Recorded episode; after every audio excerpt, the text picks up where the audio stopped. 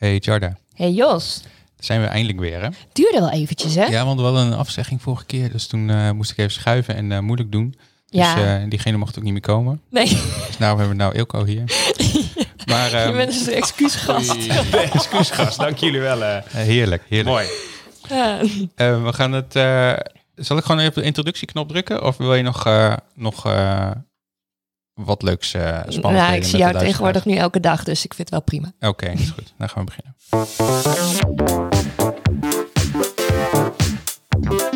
Welkom bij 20 voor 12.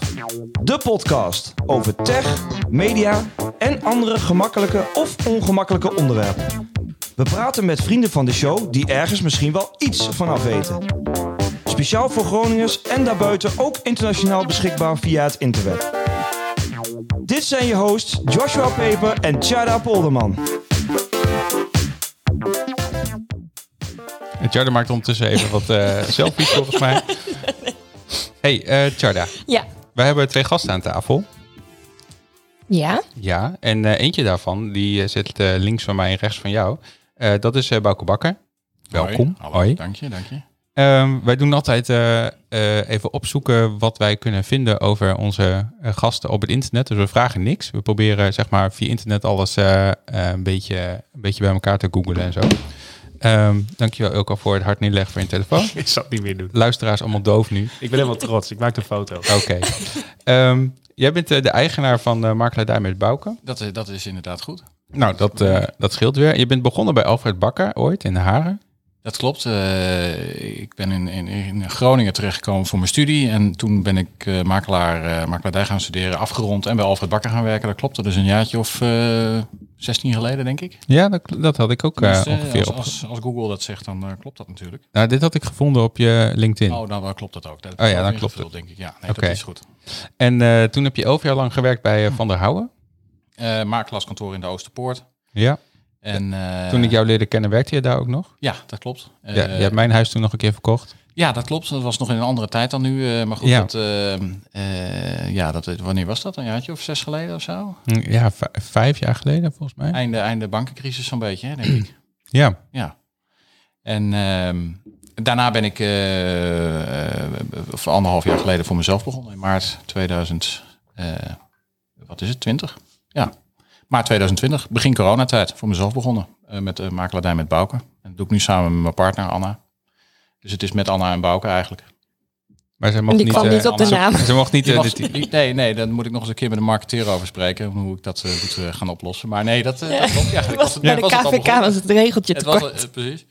Nee, ik ben, het, ik ben het zelf begonnen en, toen zij is eh, voor eh, dit, dit jaar er officieel bijgekomen. En waarom ben je na dat je al die jaren bij verschillende makelaardij hebt gewerkt, waarom ben je voor jezelf begonnen? En ook in coronatijd. Eh, Dat, de corona die kwam toevallig op mijn pad, dus dat had ik Ja, van tevoren daar kies je niet ik- voor. Ik weet niet of ik, eh, als ik dat had geweten, of ik het had gedurfd. Want het was een beetje spannend natuurlijk meteen in het begin. eh, corona, wat gebeurt er met de huizenmarkt? Nou ja, goed, dat eh, weten we natuurlijk allemaal. eh, daarom zitten we hier. Ja, is eh, ja. alleen maar booming eh, eh, gegaan daarna. Mhm. Ehm, weet je, eh, ik, ik, ik, heb elf jaar bij Van der Houwen gewerkt. Dat is eigenlijk al vrij lang. Er zijn makelaars die zijn eh, aanzienlijk korter in, in loondienst en beginnen sneller voor zichzelf. Ik vond het een fantastisch kantoor. Ik heb er veel geleerd. Maar op een gegeven moment denk je ook van, nou, ik weet het wel. En ik moet toch eens een keer een stapje verder zetten. Dus dan is het ofwel, ja, je, sommige makelaars kopen zich in. Eh andere beginnen voor zichzelf. En ik dacht, ik begin voor mezelf, want dan kan ik ook mijn eigen ding doen. En ja, dat, Bevalt ja, goed. Het bevalt goed, ja. Het, het heeft natuurlijk, je bent nu echt zelf ondernemer natuurlijk, dus dat heeft, brengt ook weer dingen met zich mee. Ja, Maar ehm, ondanks eh, de start met corona ben ik echt heel erg eh, blij. Dat was wel spannend even. gaaf hoor. Wel een mooie stap om te zetten. Dat klopt. Ja, dat, eh, dat leek mij ook. Hey, en wij kennen elkaar van de juniorkamer. Ja. En dat is gelijk een eh leuke bruggetje naar de overkant van jou. Want daar zit eh, Ilko Kaats. Jij Klopt. bent eh, een, eh, een baasje bij, de, bij het servicekantoor. Klopt. Ja? Kun je precies een beetje, uitleggen wat jouw rol daar is? En wat Ja. het servicekantoor is? Het servicekantoor, vind ik, is het mooiste financieel advieskantoor van Groningen en omstreken. Eh, we zijn onafhankelijk. We staan al 32 jaar, is een prachtig familiebedrijf. En daar werk ik nu zes jaar met veel plezier. En eh, naast dat ik daar baasje mag spelen, eh, heb ik ook gewoon het reguliere klantencontact voor 90%. Dus ik ben eigenlijk 90% gewoon klantadviseur en ik ben 10% baasje.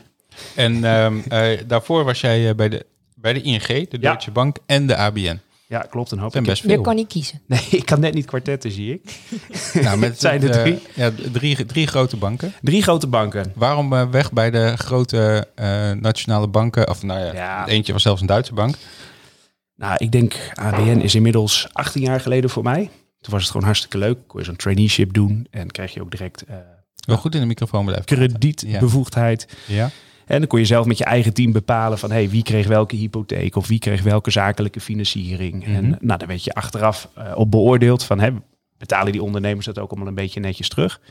Nou, dat is denk ik de eerste zeven jaar van mijn eh, bankcarrière geweest. Allerlei switches ook gemaakt. Dus nou, eigenlijk twee jaar per eh, functie gewerkt. Hè, dus van eh eerst standaard cliëntadviseur naar beleggingsadviseur, vermogensadvies, eh, twee jaar hypotheekadviseur ook gedaan. Vervolgens dacht ik van, hey, eh vermogende particulier is ook een interessante markt om daar wat van te leren. Dus heb ik daar een jaar of vier gewerkt.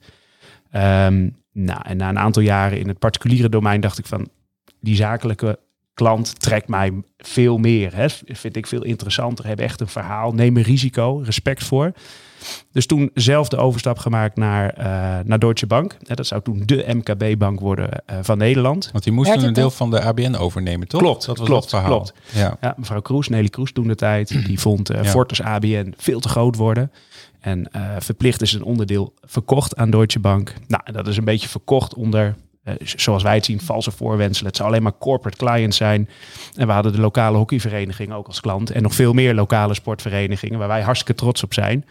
Ehm, alleen het hoofdkantoor uit Duitsland die zei van nee, dit, dit kan niet. Wij zijn een corporate bank. En eh, nou goed, na twee jaar, eh, lang verhaal kort, eh, afgeschaald. En moesten we klanten begeleiden om naar weer een andere bank te gaan. Nou, dat is niet Dat mijn wil je ding. niet. Nee, dat vind je niet. Nee. Nee, want ik, Nee. wat ik daar nog van weet is dat mensen met hun eh, eh, financieringen op, eh, op hun eh, MK, MK, MKB-toko's, die moesten dat verhuizen dan naar een andere bank. En Ja, waren klopt. niet al te beste leningen. En, eh, Nee, en de tijd zat ook niet Ja. mee. Hè. Die kredietcrisis Nee, ja, die, die hakte er net in. en toen had je zoiets van, eh, dit ga ik niet meer doen. Nee, dit ga ik niet meer doen. Weet je, ik vind het leuk geweest. Ehm, eh, toen heb ik wel de overstap gemaakt naar ING. Ook echt wel een bank die eh, nou, wi- wilde blijven. Groot bedrijf. Ehm, nou, het laatste traject was ook een, een eh, interne rol. Accountmanager, grootzakelijk. Ehm, nou, weer reorganisatie op reorganisatie. Gefeliciteerd, je bent geplaatst. Je mag naar Zwolle, je mag naar Amsterdam. Maar ja, mijn roots liggen hier in Noord-Nederland. Ja. Eh Harold Nanninga, de eigenaar van het kantoor, kende ik al een aantal jaren. En ik had ook zoiets van, joh, weet je, als ik ergens bij een onafhankelijk kantoor zou willen werken, is het dat kantoor. En daar werk ik nu met eh, zes jaar met veel Dus het gaat goed. Ja, gaat goed. Ja, Ja, zeker. Ja. ja, klopt. Dat is wel de conclusie. Ja. Oké, nou, eh, welkom. En je woont ook in Haren trouwens. Ik woon ook in Haren. Ja, ja, ja. En ik ken ook- Bouke ook van, Ja. de van uh, Ook van de oorsprong juniorkamer. juniorkamer. Ja. Heb ook een keer heel goed mijn huis verkocht. Dus eh, mooi gezelschap hier. Ja, en Ja, jullie ook. Ja. Ehm, het hoofdonderwerp. Nou, we gaan het weer over eh, de huisjes hebben. Huisjes. Net, net als eh, drie keer terug ongeveer. Nee, dit is toch de tweede keer?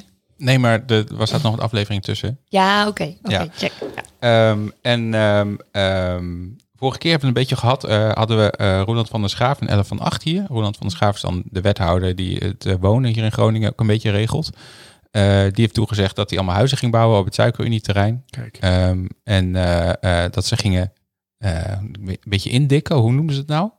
Ja, dat Ja. zei hij. Ja, ze gaan eh, op alle groenstrookjes die er nog zijn, gaan ze flats neerzetten. Omdat er toch al eh, straten liggen en eh, leidingwerk in de grond zit. En dat is dan wel makkelijk.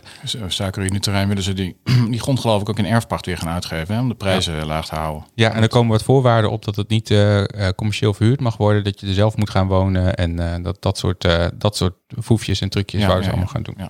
Ja. Dus dat, daar hebben we toen over gehad. Ehm, Ellen die eh, had een, eh, eh, een statement over dat we niet in een dat, dat de huizenprijzen zo hoog zijn omdat de rente veel te laag is en mensen te veel geld kunnen lenen. Ja, ze zei het is geen, het is geen nee, makelaarsmarkt, maar een hypothekenmarkt of zoiets had ze het over. Ja, dat, dat zei ze Ja. inderdaad.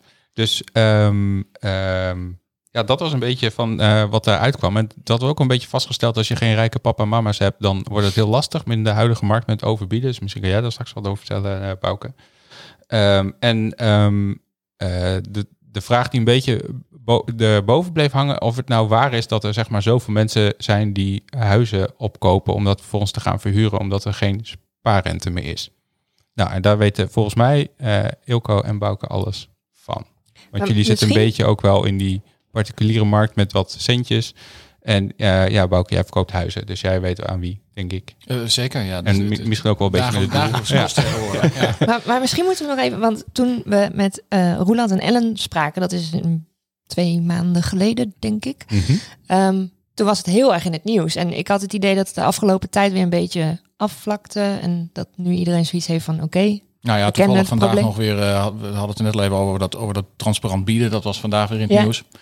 Eh, in principe bestaat dat al, eh, nou ik heb het bij Van der Houwen nog gedaan. Wel vijf jaar kun je via de NVM, heeft een online biedenplatform, kun je dus gewoon zien wat er wordt op een huis wordt geboden. En altijd, nou ja, dus super transparant.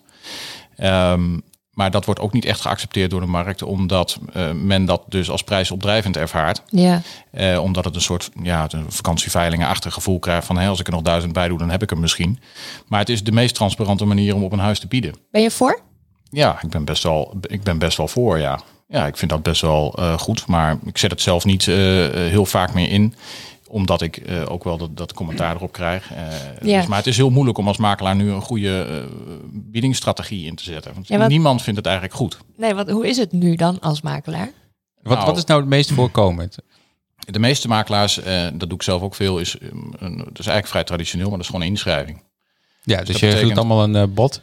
Je doet allemaal een bod. Hè. Ik, ik heb er Blind, nu ook een ja. paar lopen. eh, hè. Vrijdag eindigt er iets om, eh, om vier uur 's middags. Kun je gewoon zeggen van nou, dit is mijn maximale bod op het huis. En eh, dat, dat ga ik dan allemaal voorleggen aan de, aan, de, aan de verkoper. En die adviseer ik natuurlijk over. Hè, van nou, hoogte van het bedrag niet alleen belangrijk, maar ook voorwaarden. Hè, voorbouwd financiering wel of niet. eh bouwkundige keuring, verkoop eigen huis. Dat kom je eigenlijk bijna niet meer tegen natuurlijk. Nee. En aanvaardingsdatum en, en ja, eh, alles bij elkaar. Of ik een beetje vertrouwen erin heb dat die persoon de goede koper is natuurlijk. Hè, zodat dus de, de verkoper ook eh, iemand kiest die gewoon goed voor hem is. Ja, Ehm, oftewel inschrijvingen, dan kies je er eigenlijk gewoon één. Ja. dat is eigenlijk de manier. Dat is eigenlijk de meest voorkomende manier. En wat er natuurlijk heel veel in het nieuws is. Hè, dus dat vandaag dus inderdaad bij RTL weer. En dan is ook die, die, die voorzitter van Vereniging Eigen Huis. Die zegt weer dat de makelaars eh, de prijzen hoger, hoger, hoger eh, staat hij te roepen. Maar dat Ja, valt mee. Dat, dat maakt, nou, ik, het, gebeurt misschien hè, dat, dat, er, dat er wat eh, gekletst wordt. Maar ik merk dat hier in Groningen gewoon helemaal nooit. Want Zegt dat iets over eh, Groningers? Of zegt er iets over jou, dat of- jij dat dan niet hoort, Ja. maar de rest wel. Maar, eh, ik hou er sowieso niet van. Dus misschien zijn mijn oren gewoon dicht dan. Mhm. Eh, maar laat ik zo zeggen, eh, ik, ik, ik heb met name het idee dat het uit de Randstad komt. Ja. Nou, niet het idee, maar dat kan gewoon bevestigen dat het Ja. zo is. hè. We, hebben, we bestaan 35 jaar Ehm, en we hebben, ik denk inmiddels 20, 30 procent van onze cliëntelen zit ook in het westen van het land. En die zeggen, joh, die Grunningers regelen het netjes. Dus alsjeblieft regel ook de taxateur, eh, de financiering, noem alles maar op. En daar zien we gewoon spelletjes dat er een goed bod neergelegd wordt. Je hebt een mondelinge overeenkomst eh, en ze worden één minuut voor twaalf gebeld. Één minuut over twaalf eigenlijk, twee dagen later. Je hebt goed bod neergelegd, 8,5 ton. Ja, sorry, er is toch iemand bovenlangs gekomen met, met 9 ton. Maar we hebben een overeenkomst. Ik heb het mijn kinderen verteld. Ja, dat interesseert me niet. Ja, dat zijn schrijnende verhalen. Wat dat, doet dat met je? Nou, dat is nou ja, met name met de klant. Kijk, als adviseur eh, ehm, probeer ik er zo zakelijk mogelijk in te staan. En eh, ook aan te geven, ja, weet je, eh, kijk, strikt juridisch formeel is er pas een deal als er handtekeningen op, op het koopcontract staan. Maar ik kan ook zeggen, er is een hele grote groep makelaars, waar Bouke ook eh, ehm, bij hoort, ehm, ook in de Van de Houwer tijd. We kennen elkaar allemaal. Wij houden hier in Groningen niet van spelletjes. Weet je, en het komt uit. En tuurlijk loopt er sporadisch een keer een makelaar rond die dit wel doet. Maar die hebben ook wel op de korrel en daar waarschuwen we onze klanten ook wel voor. Dus dat is wel iets wat, wat aan de hand is. Los van het feit dat er mega extreme, maar daar zullen we het zo wel over hebben. Van hoe kan dat nou? Waarom, waarom wordt het 70.000 euro overboden? Maar dat heeft een andere, hele andere oorzaak, denk ik. Dan, ja, maar eh, wat, wat jij eigenlijk zegt, het allerbelangrijkste van het hele verhaal is het schriftelijkheidsvereiste. Juist. zolang je dus geen handtekening op papier hebt, heb je ook geen overeenkomst. nee, dus, dus snelheid is geboden ook. Nou ja, snel Ja. tekenen, dat klopt. Maar ja, Ja. als jij, eh, hè, ik maak dus met een inschrijving mee dat, dat ik eh, de nummer 2 tot en met eh 10 moet bellen om te zeggen dat ze het niet zijn geworden. Ja. En daar, zit, daar zitten soms best gefrustreerde mensen bij. En die zeggen, joh, eh Bouke, ik bied eh 15 meer. En wat doe je dan? Dan, Ga je dan terug? Nou, kijk, uiteindelijk werk ik natuurlijk voor de verkoper. Ja. Dus eh, ik kan niet zeggen, leg ik naast me neer. Als mijn verkoper Nee. daarachter komt, die, die kan wel een klacht tegen mij indienen. Ja. Ja. Die zeggen gewoon, joh, je hebt 15 laten liggen voor mij. Ja. Ehm, dus Dat is ook een nadeel van dat transparant bieden ook. ik Ja. word er altijd Ja. heel... eh, het, het overkomt mij dus ook wel eens. Ja. Eh, en nou, dat, dat vind ik... Ik vind het moreel vind ik het heel erg lelijk. Ja. Dus het liefst zou ik zeggen, joh, uh, man en man, een woord een woord. Maar ja, ik kan ook niet zeggen, ik doe er niks mee. Nou, wat ik mijn klanten wel adviseer, want naast dat wij natuurlijk financieel adviseurs zijn, zitten we ook gewoon heel hè, dicht bij de transactie. Ook heel veel contact met makelaars. Weet je, we gaan een goed bod neerleggen. Um, maar we zorgen er wel voor dat personalia, alles is binnen een dag aanwezig, zodat die koopakte gewoon... Tekenen, ja. Tekenen, tekenen, tekenen. Binnen tien uur moet die koopakte gewoon getekend zijn, zodat niemand er meer overheen kan zeilen. Want vaak gebeurt dat door laksigheid. Maar ja, koopakte komt, stuur me de stukken maar op. Je stuurt zelf je spullen niet op. Nou ja, dan gaat er een week overheen. Vervolgens krijgt de markt, die hoort toch wel voor hoeveel die woning verkocht is. Ja, en dan krijg je weer van dat soort spelletjes. En dat, dat, dat moeten we zien te voorkomen. Ja, maar maar jij, jij, vroeg net nog van, wat, wat, wat doe je er dan mee? Kijk, ik adviseer mijn opdrachtgever, de verkopers, wel... Uh, vaak hierbij van ja, waarom biedt die persoon dan niet meteen meer? Ja. Dus hoe betrouwbaar is die persoon dan ook? Ja. dus ga je nu overstappen, ja, dan heb je misschien straks niks. Dus dat, maar wat betekent dat voor jullie op zo'n werkdag? Want ik kan me best voorstellen, Ilko, jij geeft net aan, het moet allemaal heel snel. Ja. Dan denk ik ook dat jullie heel snel, dat, dat er heel veel haast is in die dag. Is, is, is het ook. Je moet er hier echt, helemaal op dit moment moet je supergoed tegenkomen. Er is ook een hoop collega's, eenmanskantoren, die nou ja, toch wel ook gewoon stoppen met eh, de werkzaamheden. Met name hè, de financiële kant dan eventjes. Die zeggen, joh, weet je, dit niet aan mijn fiets. Uh, Laat maar even zitten. Hoezo, waar, waar, waar hebben die dan problemen mee? Of wat, wat nou, met, met, met, uh, met name ook uh, snelheids- en financieringsvoorbehoud. Hè? Dat, dat je zegt van, weet je, oh, mijn de druk erachter. De druk erachter, weet je. Het moet wel gewoon... Kijk, voor, een jaar geleden was het nog heel gebruikelijk om zes, zeven weken voorbehoud van financiering uh, op te nemen. Kijk, het is of niet. Dus dan moet je al eigenlijk heel snel een hele goede screening doen. Want je bent als adviseur ook gewoon verantwoordelijk. Ja. Um, ja, en daarnaast, als er wel een kort voorbehoud in zit, hè, wij spreken ook wel eens af van, joh, weet je, ik, we hebben uh, uh, een prima klant die gaat een bod doen. of de klant doet het zelf, of wij doen namens de klant een bod. Dat kan ook prima.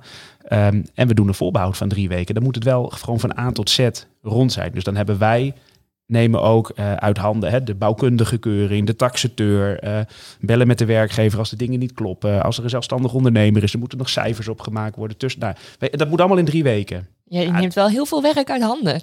Ja, dat is, dat is ons concept, zeg maar. Weet je, er zijn ook, kijk, ga je naar een bank, ja. die zegt gewoon, nou, uh, hier is je lijstje, regel het zelf maar. Bij ons zorgen gewoon compleet. En dat is, uh, nou ja, dat maar is... dat maakt ook wel dat het vaker goed komt, denk ik. Want uh, de meeste mensen kopen niet heel vaak een huis. Nee, klopt. Dus die moeten dan in één keer door die hele molen heen. Ja.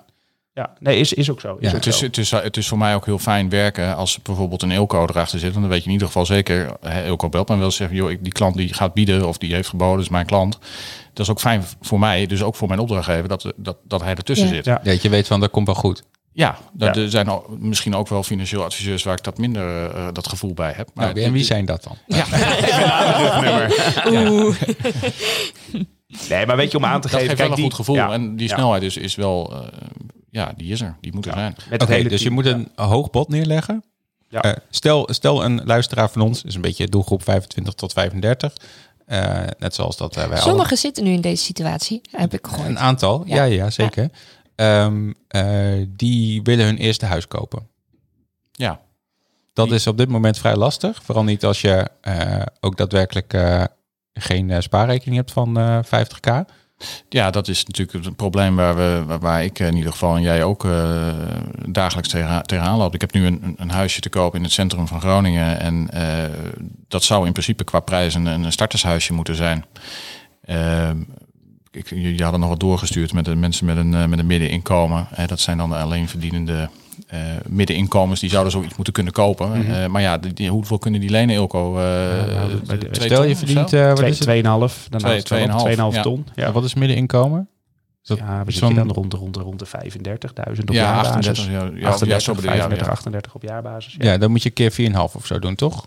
Nou, in, Dat was was vroeger. Ja, dat was vroeger een beetje het sommetje. Er zitten allemaal hele ingewikkelde tabellen achter. Maar even globaal, eh, ja, voor 2,5 ton in Groningen, dat is gewoon...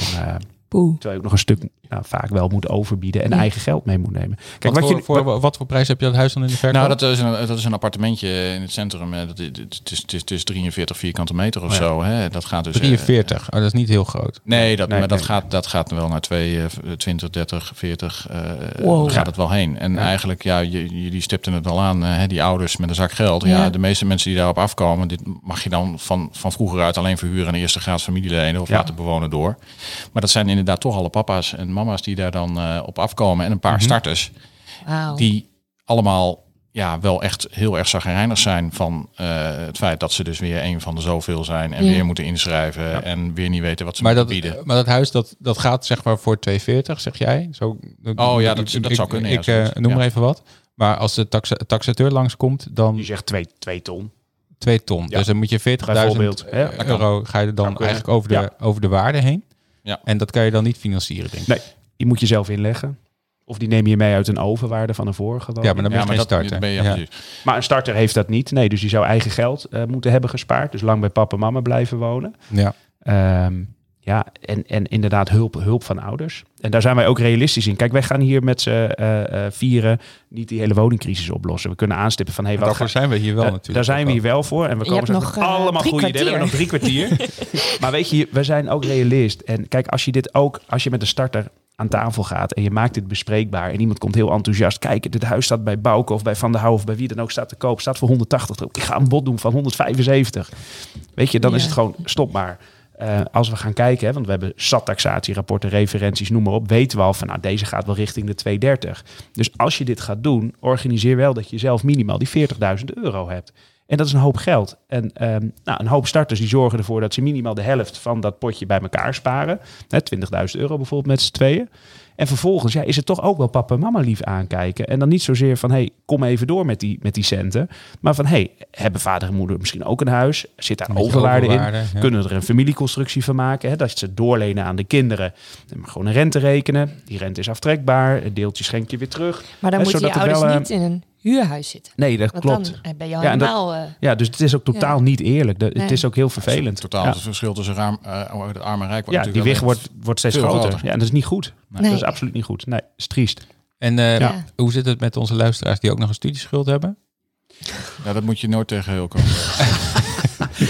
Stop maar. Wij kunnen, nee, maar weet je, studie, wij, wij, kijk, even eh, hoe ik altijd reken. Kijk, wij zijn niet het kantoor en ik ben niet het persoon om dingen te verzwijgen. We gaan het oplossen. Kijk, als jij goed kan uitleggen richting een bank van waar die studieschuld voor was, eh, carrièreperspectief, noem maar op. Kijk, ik heb ook mensen in de spreekkamer die hebben 60.000 euro duo-schuld. Zo. En die hebben de, stu de, de, eh, de studie niet afgemaakt. Kijk, als je 60.000 euro Ja. studieschuld hebt en je hebt een goede baan en je hebt een plan om dat af te betalen. Nou, weet je, dan kun je, dan kun je echt wel op arbeidsperspectief onderbouwen. Hè, waarom je zoiets minder zou mee mogen wegen. Maar in principe wordt het wel gewoon eh, eh, meegewogen. Klopt. Ja, dan, Ja. dan dat is dus wel maatwerk vanuit de bank. Dat doen ze dus wel. Dat doen ze. Ja, sommige partijen die zijn er best gevoelig voor. Maar dan moet ik wel zeggen, dan moet er ook echt wel een carrièreperspectief Ja. eh, liggen. Als jij bijvoorbeeld PhD'er bent, je doet een promotieonderzoek, eh, je zit op, in een artsenopleiding. Kijk, dan kan je wel met een goed verhaal, zeg maar, Ja. kun je vragen van, hey, ik vind het verantwoord. Eh, hoe denkt de bank erover? Dat kan. Ja, Ja, ja.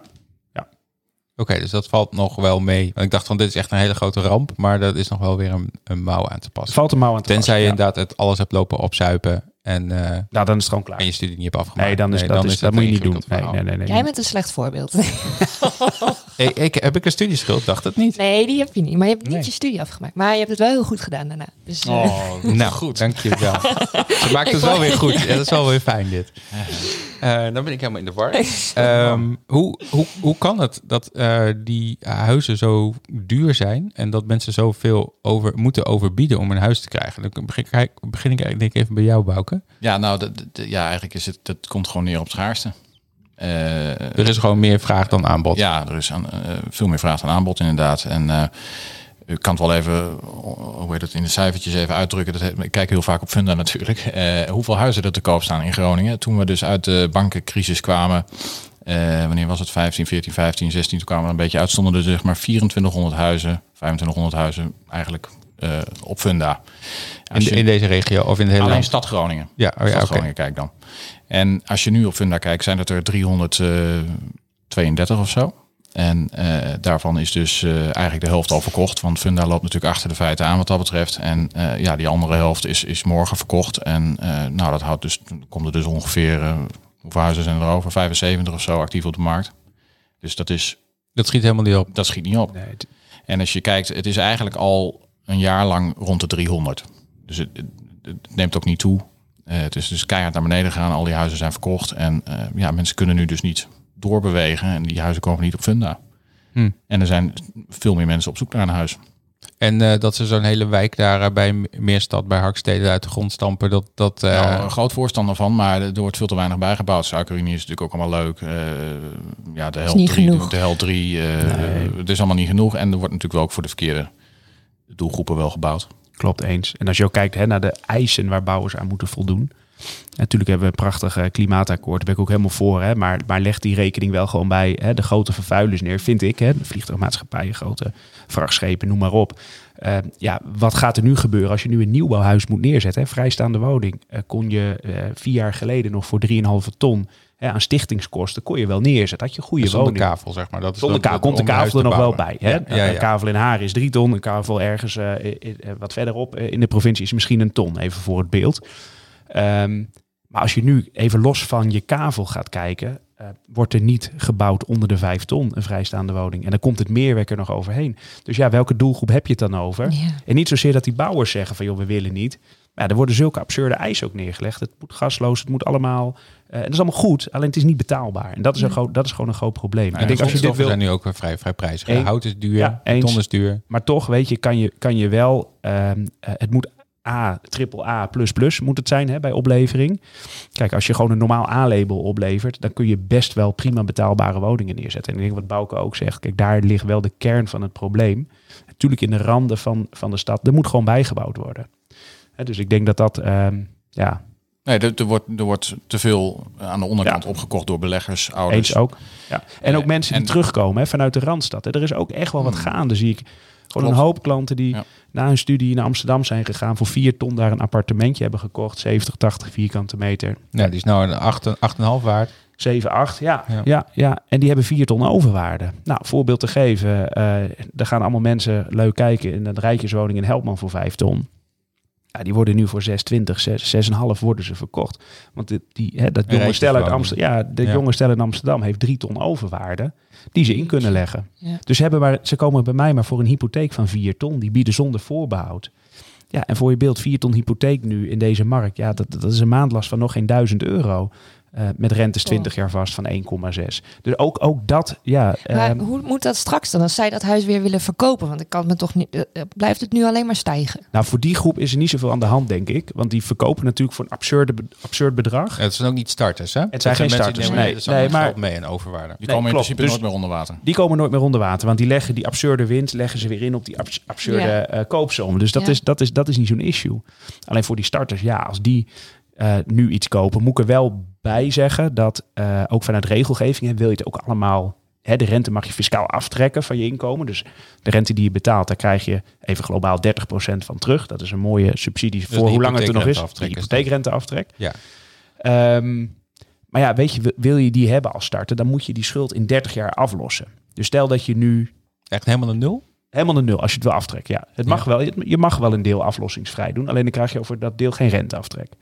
Ja. De helft maximaal. Dus je moet hoe dan ook de helft aflossen. En het liefst voor de renteaftrek volledig alles aflossen. Dus ja, weet je, als, als er wel een keer een crisis komt over tien jaar, Ja. nou, dan heb je al bijna een derde afgelost van, van je hypotheek. Dus ja, dan moet dat op zich niet zo'n probleem zijn, verwacht ik. Nee, nee. Tenzij dus het over, steeds- Ja, ja, over drie jaar helemaal eh, eh, instort. En hoe kan het instorten? Ja, als die rente natuurlijk extreem gaat stijgen.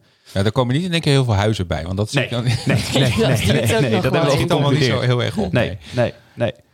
Nee, maar dat is er wel aan de hand. Dus dat is... eh, Maar dus het is niet per se zo dat omdat de rente zo laag is, dat er de woningprijzen zo hoog zijn. Het is wel echt een. combinatie Tekort, van... dit- nou, het is een combinatie hoor. Ja. Ja. Ja. je zit natuurlijk met, ja, met, met rente, schaarste. eh, er wordt te weinig bijgebouwd. Dus het zijn wat meerdere facetten die bij elkaar eh, Ja. komen. eh, waardoor die markt zo is. Ik moet heel eerlijk zeggen dat ik, ik denk natuurlijk wel vaker over na van hoe moet, hoe moet dit nou? Ja. Maar ik, ik, heb, ik weet gewoon de oplossing niet. Het is, het is, het- was de vraag die ik wilde stellen. Hoe moet dit nou? Maar Nou, wij wij hebben ja. het de vorige keer hebben we Ja. het ook over gehad dat de woningcoöperaties die zouden ook wel wat meer huurwoningen neer kunnen zetten tegen normale prijzen. Klopt. Want niet iedereen hoeft per se in Nee, een juist koopwoning. niet. Nee. En Nee. dat, dat is nu een beetje een moedje, omdat anders gewoon helemaal niks Maar je is. hebt ook vaak een grote doelgroep die net niet in een huurwoning terechtkomt vanwege het feit dat ze net te veel verdienen. Die moeten dan particulier huren, bedoel Ja. je? Ja, dat Ja. gaat ook tegen de hoofdprijs tegenwoordig. Ja, vrije sector. Poeh, ik Daar kom je gemerkt. snel in. Ja, en dan wordt het vergelijk gemaakt. Joh, ik woon aan de Oosterstraat, 60 vierkante meter. Ik betaal 1200 euro. Ja, daar heb ik bijna 4,5, 5 ton hypotheek voor netto tegenwoordig. Ja. Ja, dus maar dat, dan- dat is maar dan dat, moet je zo, dus zo wel- kijken, kijken dan- mensen wel. Maar dan Ja. moet je dus wel een huis kunnen kopen tegen de taxatiewaarde. Want anders moet je dus het eigen geld meenemen. Ja, dat een is- starter moet hoe dan ook eigen geld meenemen. Daar ontkom je niet aan. Minimaal de kosten kopen. Maar die, die huurder Maar- die dus zeg maar nu eh, vrij hoge woonlasten Ja. heeft, omdat hij dus particulier moet hu- huren, die heeft ook niet zeg maar zoveel ruimte dat hij kan gaan sparen. Terwijl Nee. als hij zou kopen, zou die maandlasten omlaag gaan. Eens, ja.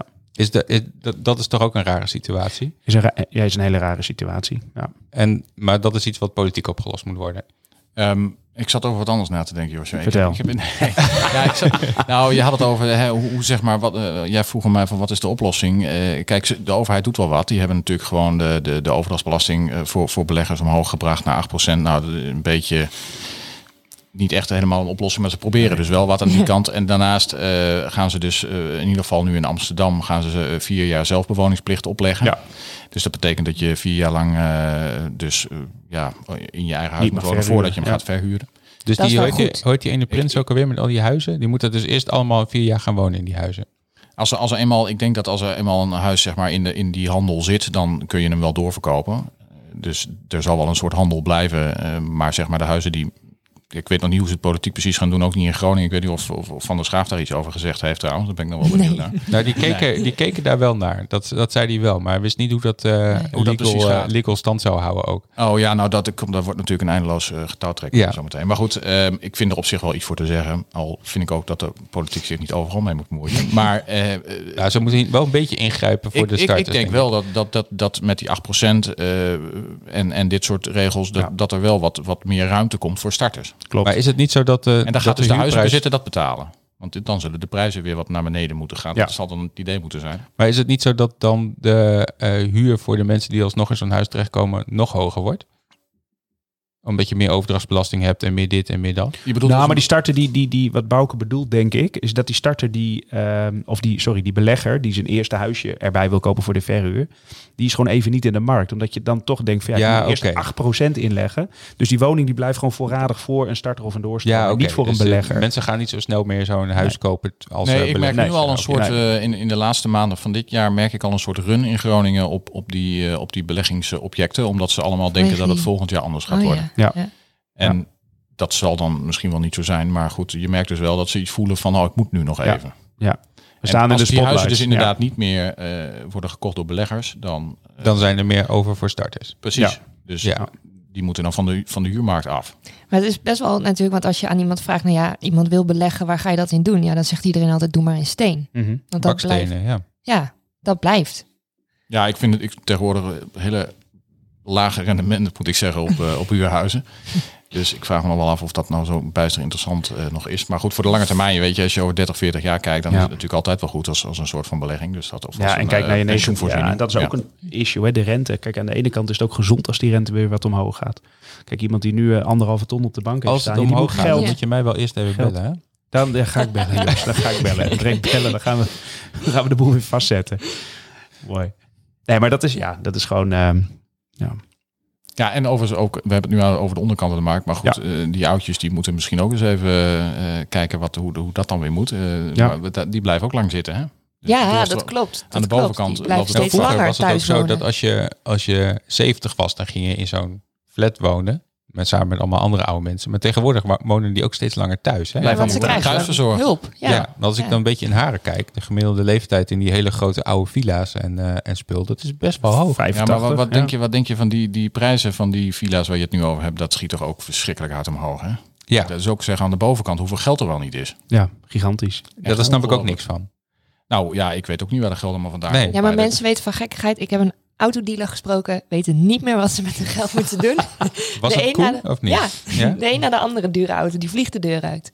Ja, maar dit is Lambo's, ja, kan Ja. Porsches. Ja, Ja. maar gewoon, ze weten niet meer waar ze het heen moet. Maar ja, ook wel de, mogelijkheid gewoon- nu. Hè? En, de, en Ja. de mindset van, joh, weet je, we zijn Ja. hier eh, eventjes op deze aardbol. En laten we er wat van maken. En we wilden altijd al die camper. En Ja. we gaan naar eh, de Dat vind ik wel anders dan een Lambo, maar... Ja, maar weet je, Ja. nou, die campers die gaan ook wel voor eh, prijzen. Ja, dat Jos, weet hoor. ik, ja. Zo, Die de duur. mythes, Die zijn echt hartstikke duur. duur. Ja. Maar goed, dat is wel een markt wat, wat nu ook wel kan. Hè. Kijk, als je ineens hè, netjes aan het aflossen bent geweest, je hebt nog een ton hypotheek overstaan. Nou, wat Bouke zegt, je huis is nu 8 ton waard. Ja, huppakee. Gaan we een ton opnemen voor de camper? Gaan we het leuk Ja. doen met je leven? Ja. Ja. Ik geef ze groot gelijk.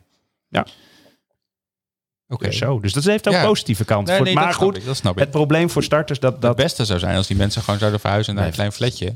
ja, En eh, inderdaad in een campertje de wereld gingen Ja, rondreizen. maar goed, weet je, en we eh, leven gelukkig wel in een, in een vrij land waar iedereen... Hè, ze hebben ook hard gewerkt voor die woning. Dus Ja, ik gun ze en ook even een mooie oude dag natuurlijk daar. ook een goed, hè? ja, Ja. vind Ja. ik wel. Dan moet jij ook in een klein huisje gaan wonen. Hoezo? Ik ook, We maar- wonen met z'n vier in dat huis. Dat is goed. En een kat.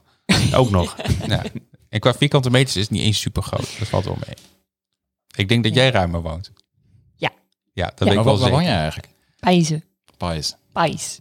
Nou, dan schieten de prijzen ook een dakje uit. eh Joh, Bouwman. er zijn echt eh, toevallig, dat is wel grappig, want mijn oude buurmeisje uit waar ik ben opgegroeid deels, die eh, woont nu ook in dat dorp. En eh, ehm, het ene na het andere huis, eigenlijk gewoon na een dag is het gewoon weg. Ja, er is een Ja. ontzettende run ook op het, eh, ik noem het maar even het buitengebied. Buitengebied. Groningen. Ja. En niet, en niet alleen dus vanuit Groningen, maar ook inderdaad vanuit de Randstad. En je had het net over mensen uit Amsterdam. Ik Ja. verkocht een Ja. huisje op het Hoge Land. En er kwam een stelletje op af, eh 35, 40, eh, uit Amsterdam dus net huis verkocht. En die hebben gewoon dat huis zo kunnen kopen. Van overwaarde. Gewoon. Ja, echt serieus. geld Dus in gewoon, een brief, huppakee. een envelop Ja. mee. Ja, maar die, zijn dus, die hebben die leeftijd, hebben geen hypotheek meer. Nee, Nee. nee. Of dat Ik nou zo verstandig we- zijn nu wel- fiscaal. Maar het- Ja, Nou, het- geen schuld is het mooiste. Is het beste, ja. Klaar is het dus beste. we zijn nu maar- wel een beetje ja. bang omdat Pijs inderdaad zo in trek is dat de weilandjes om ons heen straks... eh, ontwikkeld worden. ja, ja, de, ja. De, het is de situatie dat het dus niet gaat gebeuren, dat het aan de andere kant van Pijs gaat gebeuren, maar je weet het niet. ja, er moet gebouwd worden. hè. Er moet gebouwd worden. Kijk, maar dat ga je dus ook krijgen in dit landje. hè. Weet je, daar komt er een plan. Kijk, in andere landen is het gewoon, jongens, we gaan gewoon een wijk bouwen, huppakee. Maar punt 1 is het de Staan het vleermuis, eh, de bosuil eh, en de, helemaal fijn, maar dat moet eerst onderzocht worden. Nou, dan Ja. is alles er. Hè. Dan ben je drie jaar verder. Nou, dan heb je mevrouw Pijzen die zegt, ja, nee, niet in mijn achtertuin. Ja, lekker dan.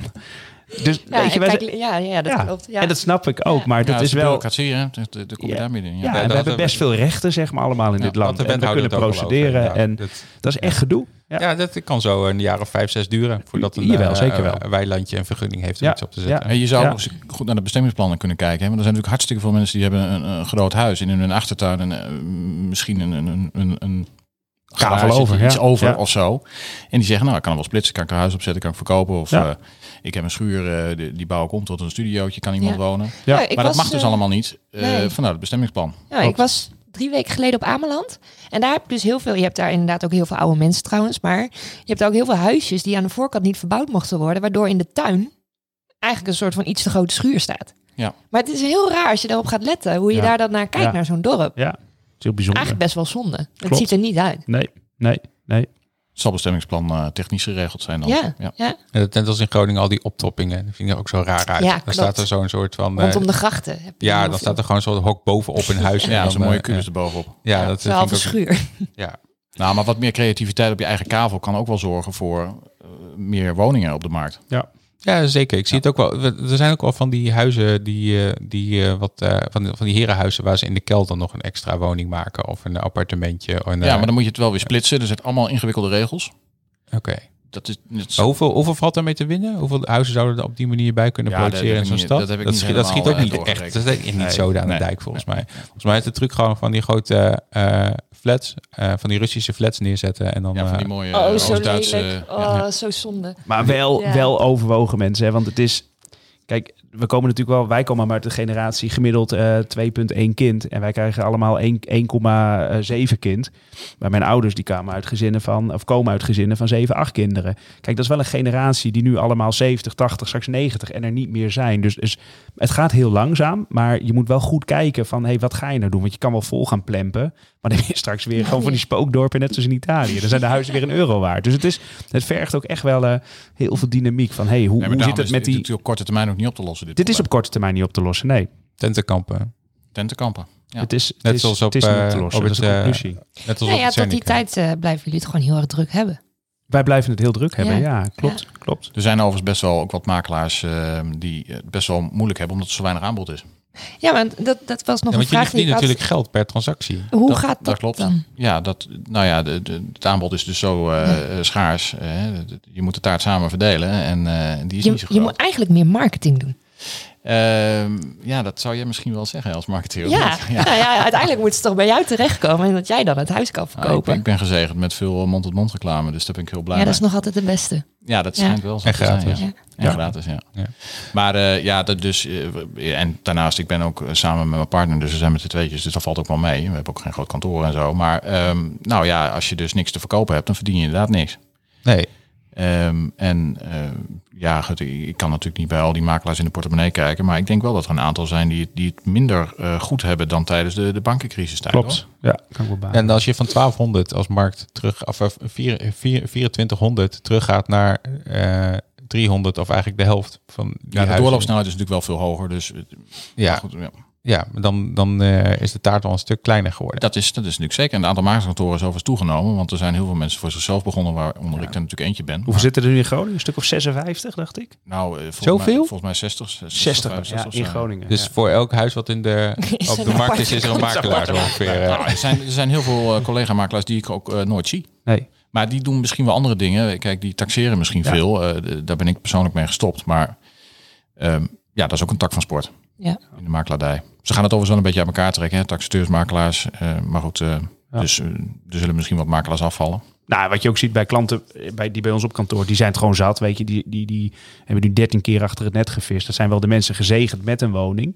Maar die gaan nu wel naar de architect en kijken van hey, hoe kunnen we Oh, creatief lekker gewoon een, een Ja. uitbouw, een opbouw, een ruimte creëren. Eh, tuinhuizen, Ja. werkruimtes, zwembaden. Ik weet niet wat er allemaal aangerukt wordt, maar da, dan maar zo. En dan blijken er ook heel veel mogelijkheden te liggen. Dus ja, voor ons is, is die drukte gewoon, ja, of er nou wel of geen transacties zijn. Ja. Het blijft gewoon ook met de verbouwingen ontzettend druk. Weer verliefd op je eigen huis. Verliefd? Ja, dat was- het is ja. wel heel mooi. En dat Alles mensen- eruit breken, zwembad erachter. En, ja, eh, en dan Ja. denken van, oh, waarom hebben we dit niet eerder Ja. gedaan? En nu zijn we al, al zeven jaar bezig. Eh, maar aan de andere kant, weet je, we moeten het ook wel positief blijven inzien. Kijk, als je gewoon de goede begeleiding om je heen hebt, dan is er, zijn er echt wel dingen mogelijk. Ook voor starters, ook voor doorstromers ben ik wel van Want overtuigd. hoe, hoe is het bij jou, Bou- Bouke? Als een starter zich bij jou meldt, heb je dan een soort van een actieplan van oké, dit gaan we doen en eh, Nou, als we gaan starter- even bij papa en mama langs en opa en oma. Nou, en, als een starter bij mij wil, een zoekopdracht wil plaatsen, is natuurlijk sowieso een van de vragen. Is vraag, heb je met een hypotheekadviseur advi- adviseur gesproken? Want die, ja, ik bedoel, ik, ik kan dat gewoon niet. Dus eh, daar moet je experts voor hebben.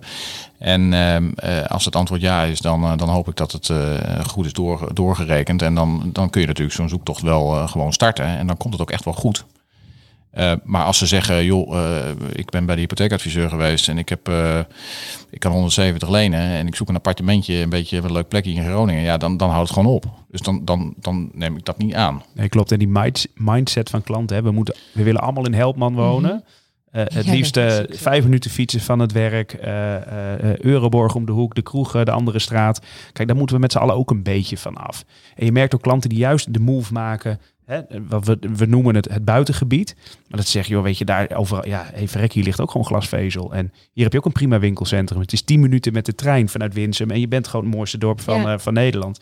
En je bent gewoon in Groningen. Ja, ik En, en die omliggende ja. dorpen, ja, zijn de prijzen gewoon anders. En is die gekte toch nou ja, nog niet zo aan de hand als in de stad Groningen. Nee, ik, Nee, moet, ik ja. moet wel zeggen dat sinds ik dan de stad uit ben, ik dacht eerst, oh, dat was echt een probleem. Maar nu vind ik de stad dus Nou, heel druk. erva- ja, ervaringsdeskundige. Ja, Heerlijk. Ja, ja. Ja, maar zo is Het het echt wel. wel, eh, Ja. Ik ben altijd wel blij als ik weer die kant op rijd. Ja. Het is ook wel, het is ook wel relaxed volgens mij als je Ja. even eh, uit de drukte Ja, wegrijdt. Ja. groen Ja. in eh, Ja. rijdt. Wat, wat is nog een... eh, ehm, ja, wat voor advies zou je onze luisteraars beide dan nog mee willen geven in dit hele traject? Doe je, ehm, ja, scha- schakel professionele hulp in. Eh, en natuurlijk kan ik roepen, joh, kom, kom bij ons servicekantoor. Maar weet je, er zijn zat andere goede kantoren. Ik vind de, die van ons natuurlijk het beste, omdat wij, omdat ik weet wat we doen. Eh, ehm, maar als je van de, eh, vanaf het begin, zeg maar, goede begeleiding krijgt in het hele traject. En ook realistische begeleiding. Waarbij je dus ook direct meegenomen wordt. Weet je, en we draaien er niet omheen van, weet je, jij hebt 40, 50.000 euro eigen geld nodig. Eh, we gaan een afspraak maken. Heb je iemand binnen de familie met een eigen huis die eventueel bereid is om jou te helpen met een extra lening? Neem diegene gewoon mee. Dan gaan we samen het gesprek Ja. aan. Ehm, nou, en dan zien ouders ook van, oh, maar goed, kost dat mij maar 200 euro extra. En mijn kind gaat die 200 euro gewoon betalen dan. En dat, dat, dat, de Belastingdienst betaalt ook nog een beetje mee. Het is gewoon een compleet legale constructie. Nou ja, weet je, hup. En dan naar een, een makelaar die gaat helpen ook met die zoektocht. En ik geloof persoonlijk ook wel in eh, aankoopmakelaars. En niet vanwege het feit, want dat hoor je ook overal. Van ja, nee, want je komt er dan niet tussen. Ehm, hè, anders kom je er niet tussen. Maar kijk, een aankoopmakelaar die kijkt toch anders. En die kijkt ook veel gerichter. En die weet ook van joh, deze woning gaan we niet naartoe, want het heeft geen zin. En de andere woning, ja, daar gaan we gewoon vol voor. En dan, eh, ja, zo zou ik het, zo zou ik het aanpakken. Dat is de enige manier. Goeie Ja, tip. Dat is ook nog wel met die aankoopmakelaars. hè. Er wordt natuurlijk in het vaak gezegd van ja, dan kom je ertussen en zo. Maar goed, als je er zelf lekker fanatiek bovenop zit, dan, eh, dan kom je er echt wel tussen hoor. Klopt. En eh, eh, mijn tip zou sowieso zijn, eh, als je gezegend bent dat je een huis kunt betalen, laat je niet gek maken. Eh, dus blijf in ieder geval altijd bij jezelf als je een huis ziet. Eh, weet je, eh, als het niet goed voelt, onderbuikgevoel, doe het dan gewoon niet. Eh, Ja. Ik hoor je, heel je vaak moet, van er, ja, je moet er wel wonen natuurlijk. hè? ja, ik moet hier wel wonen en eh, ja, het stinkt hier een beetje naar, eh, weet ik veel, houtrot of weet ik het. En, en het loopt weg. Ja, ik koop hem toch maar, want er is niks. Nou, dat moet je dus Oeh, gewoon niet ja. doen. Nee. En dat hoor ik wel vaak hoor, dat mensen ja, gewoon denken, nou laat maar, weet je, ik doe het nu maar gewoon. Maar dat, ja, wat ze er gewoon klaar mee zijn. ja dat hoor ik. Dat Dan hoor drie ik keer achter het net gevist of echt- tien keer ik Ja, veel echt, vaak. nou, jij zijn net 13. Ik hoor soms wel eens eh, mensen die wel 30 huizen bekijken. Oh, En geboden. En geboden Ja. en Ja. gedaan, ja. En, eh, ja. en dan uiteindelijk, ja, doe het maar gewoon. En vaak betalen ze dan ook nog veel te veel trouwens. Dus daar zou een aankoopmakelaar ook nog wel kun- bij kunnen adviseren. zo een hele goede tip. Dat vind ik ook. Ja. Is, is het nou trouwens ook wel eens zo dat, ehm, eh, hoe zeg ik dat nou? Eh, dat ehm, als mensen dan zo'n eh, bot uitbrengen, een heel hoog bot, omdat ze zo er een beetje klaar mee zijn, dat, en dat jij ze dan opbelt van, nou je hebt het hoogste bot, dat ze dan zeggen van, oh nee, ik heb ook nog daar een bot en ik, ik hoef niet meer. Nou, dat, dat vind ik wel leuk. Dat- Ik hou daar wel van. Dat doen mensen wel eens. Eh, ze bieden wel eens op, op meerdere huizen tegelijk. En Ja. eh, kijk, dat vind ik, eh, dat kan, kan ik altijd wel, eh, wel waarderen. Want kijk, een verkoper die, die wet natuurlijk op eh 40 paarden. En een, een- waarom zou een koper dat ook niet gewoon doen? Ik bedoel, je biedt gewoon tegelijk op drie, eh, drie appartementen. Ja, En, en Ja. als je er eentje krijgt, ja, dan, eh, dan ga je kijken of dat eh, iets voor je is. Ja, dat is wel heel het- slim. het. Ja. Ja, nou ja, waarom niet? maar die mensen Maar- bieden gewoon blind zonder dat ze langskomen. Nee, niet blind, maar die Ja, gaan gewoon bezichtigen. En dan, Ja, oké. er wordt overigens ook wel blind geboden natuurlijk. Dat gebeurt ook regelmatig. Kijk, eh, maar goed, ja, ik zeg altijd tegen mensen, joh, eh, laat het, kom maar eerst eens even kijken. En dan kunnen we daarna wel even verder kijken of ik nog steeds wil. Ja. Dus jij, jij hebt zoiets van, nou, blind bieden, dat, eh, doe dat maar niet. Dat, mag, dat mogen ze best doen, maar ik vind het altijd wel fijn als even zien. Eh, maar sommige dat mensen zitten ik, bijvoorbeeld in het buitenland, kan natuurlijk ook wel. Je kunt het nog even digitaal laten zien. Maar goed, eh, uit frustratie blind bieden, dat heb ik snel door. En dan vind ik wel, kom maar eerst maar even kijken en of het dan nog steeds goed voelt. Ja, oké, op die manier. Oh, die, die wil ik ook nog even delen. We hebben een situatie gehad dat ehm, we mochten kijken een week later. Dat was allemaal ingepland. En de dag voordat we daarheen gingen, werden we gebeld. Het is al verkocht. Ja, dat, dat komt natuurlijk dat komt ook vaak voor. ja. Wow, ik was helemaal verbaasd. Ja, nou ja, kijk, je, je- als makelaar die krijgt dus heel veel aanv- bezichtigingsaanvragen binnen. Hè. Dat kunnen er soms wel 30, 40 zijn. Eh, er zijn makelaars die laten het aan 10 mensen zien. Eh, ik plan ze meestal allemaal in als het zo rond die Ja. aantallen ligt. Ehm, als je eerste dag bezichtigingen hebt en er biedt iemand en die zegt, joh, eh, realistisch gezien is het 3,50 waard. Maar die zegt, joh, ik bied eh 4,20. eh, maar dan wil ik vanavond weten of ik de koper ben. Ja, Ja, dat dan- is ook een strategie. Dan, ja, dan draai je dus even om. Dan, gaat dus de, de- dan ga je dus als koper druk zetten. Dat vind ik ook wel mooi. Dat doe ik als aankoopmakelaar ook wel eens. Ja, Ehm, dan probeer je dus de concurrentie af te kopen. En die verkoper moet het maar zeggen dan. Ja. En die zit s'avonds op de bank. Die denkt, ja, Dat ga ik net wel even rekenen. Serieuze munten. Ja, Dat is een serieuze Ja. munt. En, ehm, het voelt zo lullig. Ja, en dan moet je dus als makelaar wel de rest afbellen. Ja, dat is natuurlijk niet zo heel erg leuk om te doen. Nee. Ehm, dus ik denk dat de verkopende makelaar ook moet nadenken van tevoren. Ja. Van ja, welk traject zet ik, zet ik nou in? Ja, En dat vind ik ook wel een rol van een makelaar om, om die markt een beetje oké te houden. ja.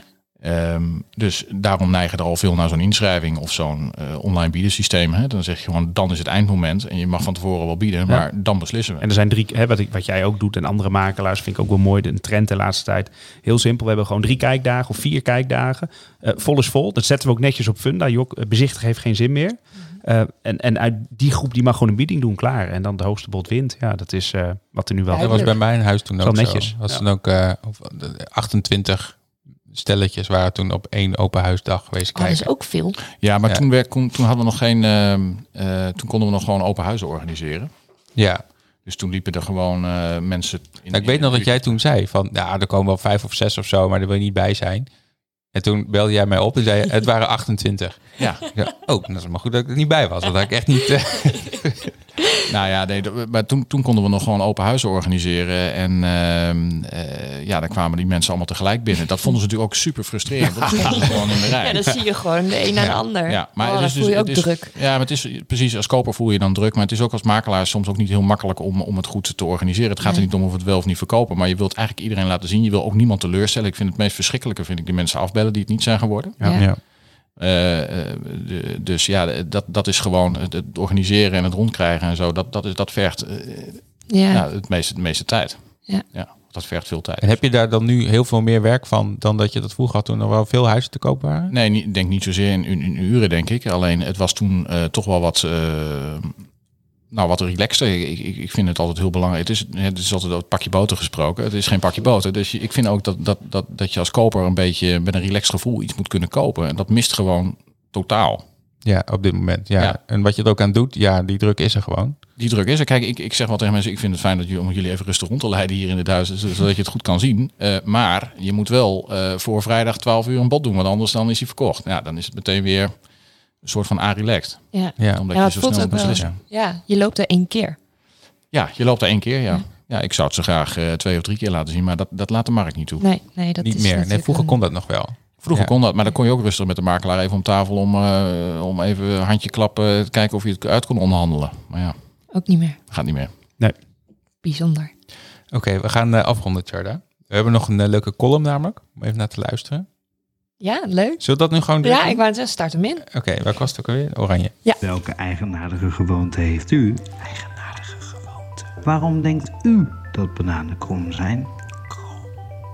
En wanneer voelde u zich voor het laatst buitengesloten? Buitengesloten. Dit is de 20 voor 12 Babbelbox. Babbelbox. En deze week gaat de 20 voor 12 Babbelbox over... Uitstelgedrag. De vorige uitzending van 20 voor 12 de podcast was op 22 september 2021. We schrijven 9 november, 20 over 5. 2021. In de tussentijd heb ik tijdens mijn wandelingen misschien wel 375 columns geschreven. In mijn hoofd dan, want geen één van die columns is ooit echt op papier beland.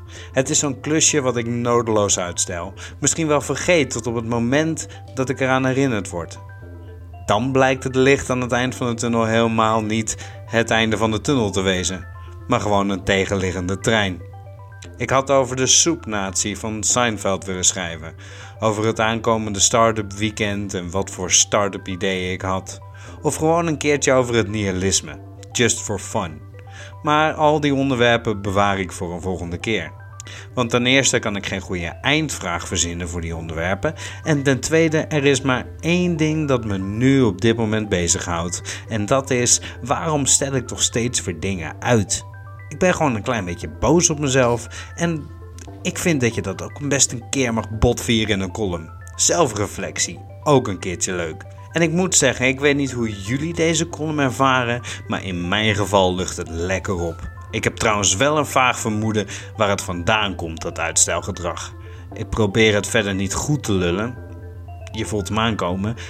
Maar mijn lieve alleenstaande moedertje moest mij alleen opvoeden. En dat betekent in de praktijk dat de televisie een co-ouder avant à lettre was. En een van de levenslessen die is blijven hangen van die opvoeding is een quote van Octo uit SpongeBob. Waarom vandaag doen wat je morgen ook kan uitstellen. 25 jaar later durf ik een antwoord te geven op die vraag. Omdat je anders met het hart in je keel rammend op een toetsenbord een deadline probeert te halen. Het enige voordeel is wel dat dit sentiment zich haarfijn leent voor een goede eindvraag. Komt-ie. Dit is de 20 voor 12 Babbelbox en de 20 voor 12 Babbelbox vraagt zich af. Wat stelt u nodeloos uit? Ilko. Wat stel je noodloos uit? Ik Geen- paas geen- hem gewoon door. Geen, eh, geen financieringen, denk ik. Nee, daar, daar zit ik wel bovenop. Ja, uitstelgedrag. Ja, jongens. ehm, tja, dat is een goeie. Wat stel ik uit? Ja, ik weet het wel, ik weet Ja, het wel. Maar je wilt Kijk, niet zeggen. jawel, ik ga het ook zeggen. Kijk, Ik durf het niet te zeggen. ja, ik, ik word er gewoon een beetje emotioneel van. Nou, wat Eh, is het? Nou, mijn uitstelgedrag is, eh, ik stel altijd hele goede doelen, eh, vaak rond 1 januari, van jongens, we gaan sporten. En er moeten echt wat kilo's af, want je doet al 20 jaar in zittend beroep. En dat is inderdaad ieder jaar 1 kilo. Dat is gewoon echt een feit. En er moet ook wat gebeuren. Dus dat stel ik uit heel vaak. Dan denk ik van, nou, weet je, je gaat even beginnen. En dan denk je van, nou, ik vind het wel weer mooi geweest. En ik ga veel leuker naar een podcast hier met een biertje erbij. Terwijl ik, Ja, eigenlijk, in de sport, terwijl ik ja. eigenlijk in de sportschool moet zitten nu. Maar je bent toch komen fietsen hier naartoe? Dus ik, veel. Eh, ja, ik fiets, probeer heel veel naar mijn werk te fietsen. Ja, dat klopt. Ja. Dat klopt. Ik vind sport ook eigenlijk heel leuk, maar het is ook tijdtechnisch. eh. kijk, maar nogmaals, dat zijn allemaal weer excuses. Hè? Oh, drie kinderen, druk en eh, Ja, maar ik snap je wel. noem maar op. Ja. Ja. dus dat is mijn uitstelgedrag. Ja, wel. Ik moest er even over nadenken, maar het is echt, echt een feit. Ja. Bouke? Ja, nou, voor mezelf zou ik zeggen, ik moet toch maar eens een keer een nieuwe auto kopen. Dat stel ik een beetje uit, omdat ik op de een of andere manier zonde van mijn geld vind. Nou, wij kennen dus een... Wij kennen dus een hele goede autodealer met ja, ja. mooie Die auto's. heeft hele mooie auto's. Dus eh, ja, weet je, en eigenlijk eh, zou ik een keer naar mijn neef in Noorwegen moeten, want die woont daar al heel lang. Daar ben ik nog nooit geweest. Je kan straks met de boot vanaf de Eemshaven. En dat heb ik laatst in de krant gelezen vorige week. Dat eh, biedt weer mogelijkheden. Vanuit Denemarken ben je ook één dag en dan ben je er met de boot. Gaan we. Valt Ja, nee, maar het is dus, je kan dus op die boot, kan je accijnsvrij zuipen als je 20 minuten... Dat is zeker Weg voor die kust. is dat dat heerlijk. is fantastisch. Ja. Maar dat gebeurt ook al met de boot in Denemarken. Hè. Er komen heel veel Nooren eens naar naar... Denemarken, hè? Ja, nou, maar van Noor- Noorwegen naar Denemarken valt mee. Ja, maar wil je dan eerst naar Noorwegen vliegen en dan... eh, Nee, naar- ik zei heel veel Noren die gaan dan naar Denemarken. Oh zo, voor de, Ja. voor de boottocht. Oh, Ja, voor de voor boot. de- voor die, Ja, ja, ja, ja. partyboten, die varen dus even buiten de Ja, internationale wateren. en dan het zee. Ja. Ja. Nou, goed idee dus. wel allebei Misschien hele een keer goede voor de ideeën. juniorkamer uitje of zo. Leuk. Ja. Je Jos, heb jij nog uitstelgedrag? Ik, eh, Deze podcast. Als Nee. ik, eh, nee, dat is niet uitstelgedrag. dat is eh, plan issues.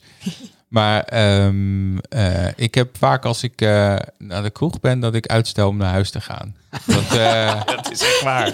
dat is, eh, ik kan dat niet zo goed. Nee, voor je het Ja, weet later je was van, jij ook kut, later het is alweer thuis. licht. Ja, Ja, Ja, wanneer daar heb ik later. nooit last van, want op een gegeven moment dan haak ik gewoon echt keihard af. Dat klopt, dat heb ik wel meegemaakt. Ja. Als je een paar woorden niet meer kan uitspreken waarvan je weet, als ik dat niet meer kan uitspreken, dan moet ik maar gewoon. Ja, eh. Ja. Maar eh, dat, die, dat eh, heb ik. dat En wat, wat heb jij dan? Oh, ik wou- we gaan mij overslaan. De mochter. Weet ik eigenlijk niet zo goed. Serieus niet. Ik, ja, misschien kan ik me wel vinden in het, wat jij net zegt, Ilko, meer sporten. Maar ja, daar voel ik ook niet heel veel druk voor. Dus ik- ja, het is gewoon, ik heb veel te doen. Het is heel druk, dus er gebeurt ook veel. Ik heb ook heel veel boekhoudkundige dingen die ik altijd uitstel. Administratie, Administratie, daar facturen is die. versturen. Ja, Ach, die, dat is hem. maken. Ja, dat Doen we is morgen wel. Ja. Eh, Ja, en dan Ja. denk ik, oh, het is al Staat niet in 14 de Het is ook niet zo belangrijk facturen sturen. Hè? Nee, Nee, Dat is ook helemaal nee niet. dat is toch wel verdiend. Komt wel een keer. ja, komt wel een keer. Dat is wel echt mijn uitstelgedrag. Ja, Ja, oké. Dat dacht ik al. Wist ik ook al een beetje. had ik wel eens gezegd, toch? Ja, ja, ja. Oké, gaan we afronden. Ehm, nou, iedereen die nu luistert, die kan gewoon keurig op next drukken. Want dat doet toch iedereen. Dat kunnen we namelijk in de statistieken. Ehm, maar we willen eh, jullie, als je wel luistert, dan eh, zouden we het heel leuk vinden om, eh, als je in op Apple Podcast luistert, om even een vijf sterretje rating te geven. Ehm, niet lager graag, want we staan nu op vijf sterretjes. En als je nou lager doet, dan wordt het minder. Dus als het lager Minder is, goed. dan kun je ons een e-mailtje sturen en dan krijg je een gratis mondkapje. Ehm, we hebben trui. Tja, dat stoot even de hoofd aan de microfoon. Eh, wij, eh, we hebben trui te koop, mondkapjes, eh, stickers voor 1 euro. En die kan je kopen in de 20 voor 12.nl slash shop. Nieuwe website. Nieuwe website gemaakt door Alexander uit Zweden. Ehm, eh, je kan ons volgen op eh, de socials, Instagram, Twitter en LinkedIn. Ehm, we hebben een grote Telegram groep waar je als eh, luisteraar in kan. En dan, dan kun je tegen ons praten. En dan weet je alvast de onderwerpen van deze avond. En dan soms doen we dan luisteraarvragen. Maar we hadden nu al zo'n bak vragen van vorige keer. Dus dat was niet echt nodig. Ehm, vergeet je niet te abonneren, dat kost niks. Eh, speciaal bedankt voor eh Zoinks voor de locatie. En eh, het bier heb ik zelf betaald. Jouw bier. Ja, Found in Groningen willen we bedanken. De Rug en de Dagblad van het Noorden voor het openstellen van hun netwerk en andere resources. En Charda, wat gaan we de volgende keer doen? Verrassing. Verrassing, je hebt geen onderwerp nog. Nee. Ja. we hadden wel een hele goed. lijst. Ja, we gaan goed. het We hebben nog een hele We hebben hele donderdagmiddag hè, Ja. vergadering. Ja. ja, dus dat komt helemaal goed. Nou, dan eh, wens ik iedereen eh, wel uh, trusten en dan gaan we een biertje drinken. Mm. Knopje. Ja.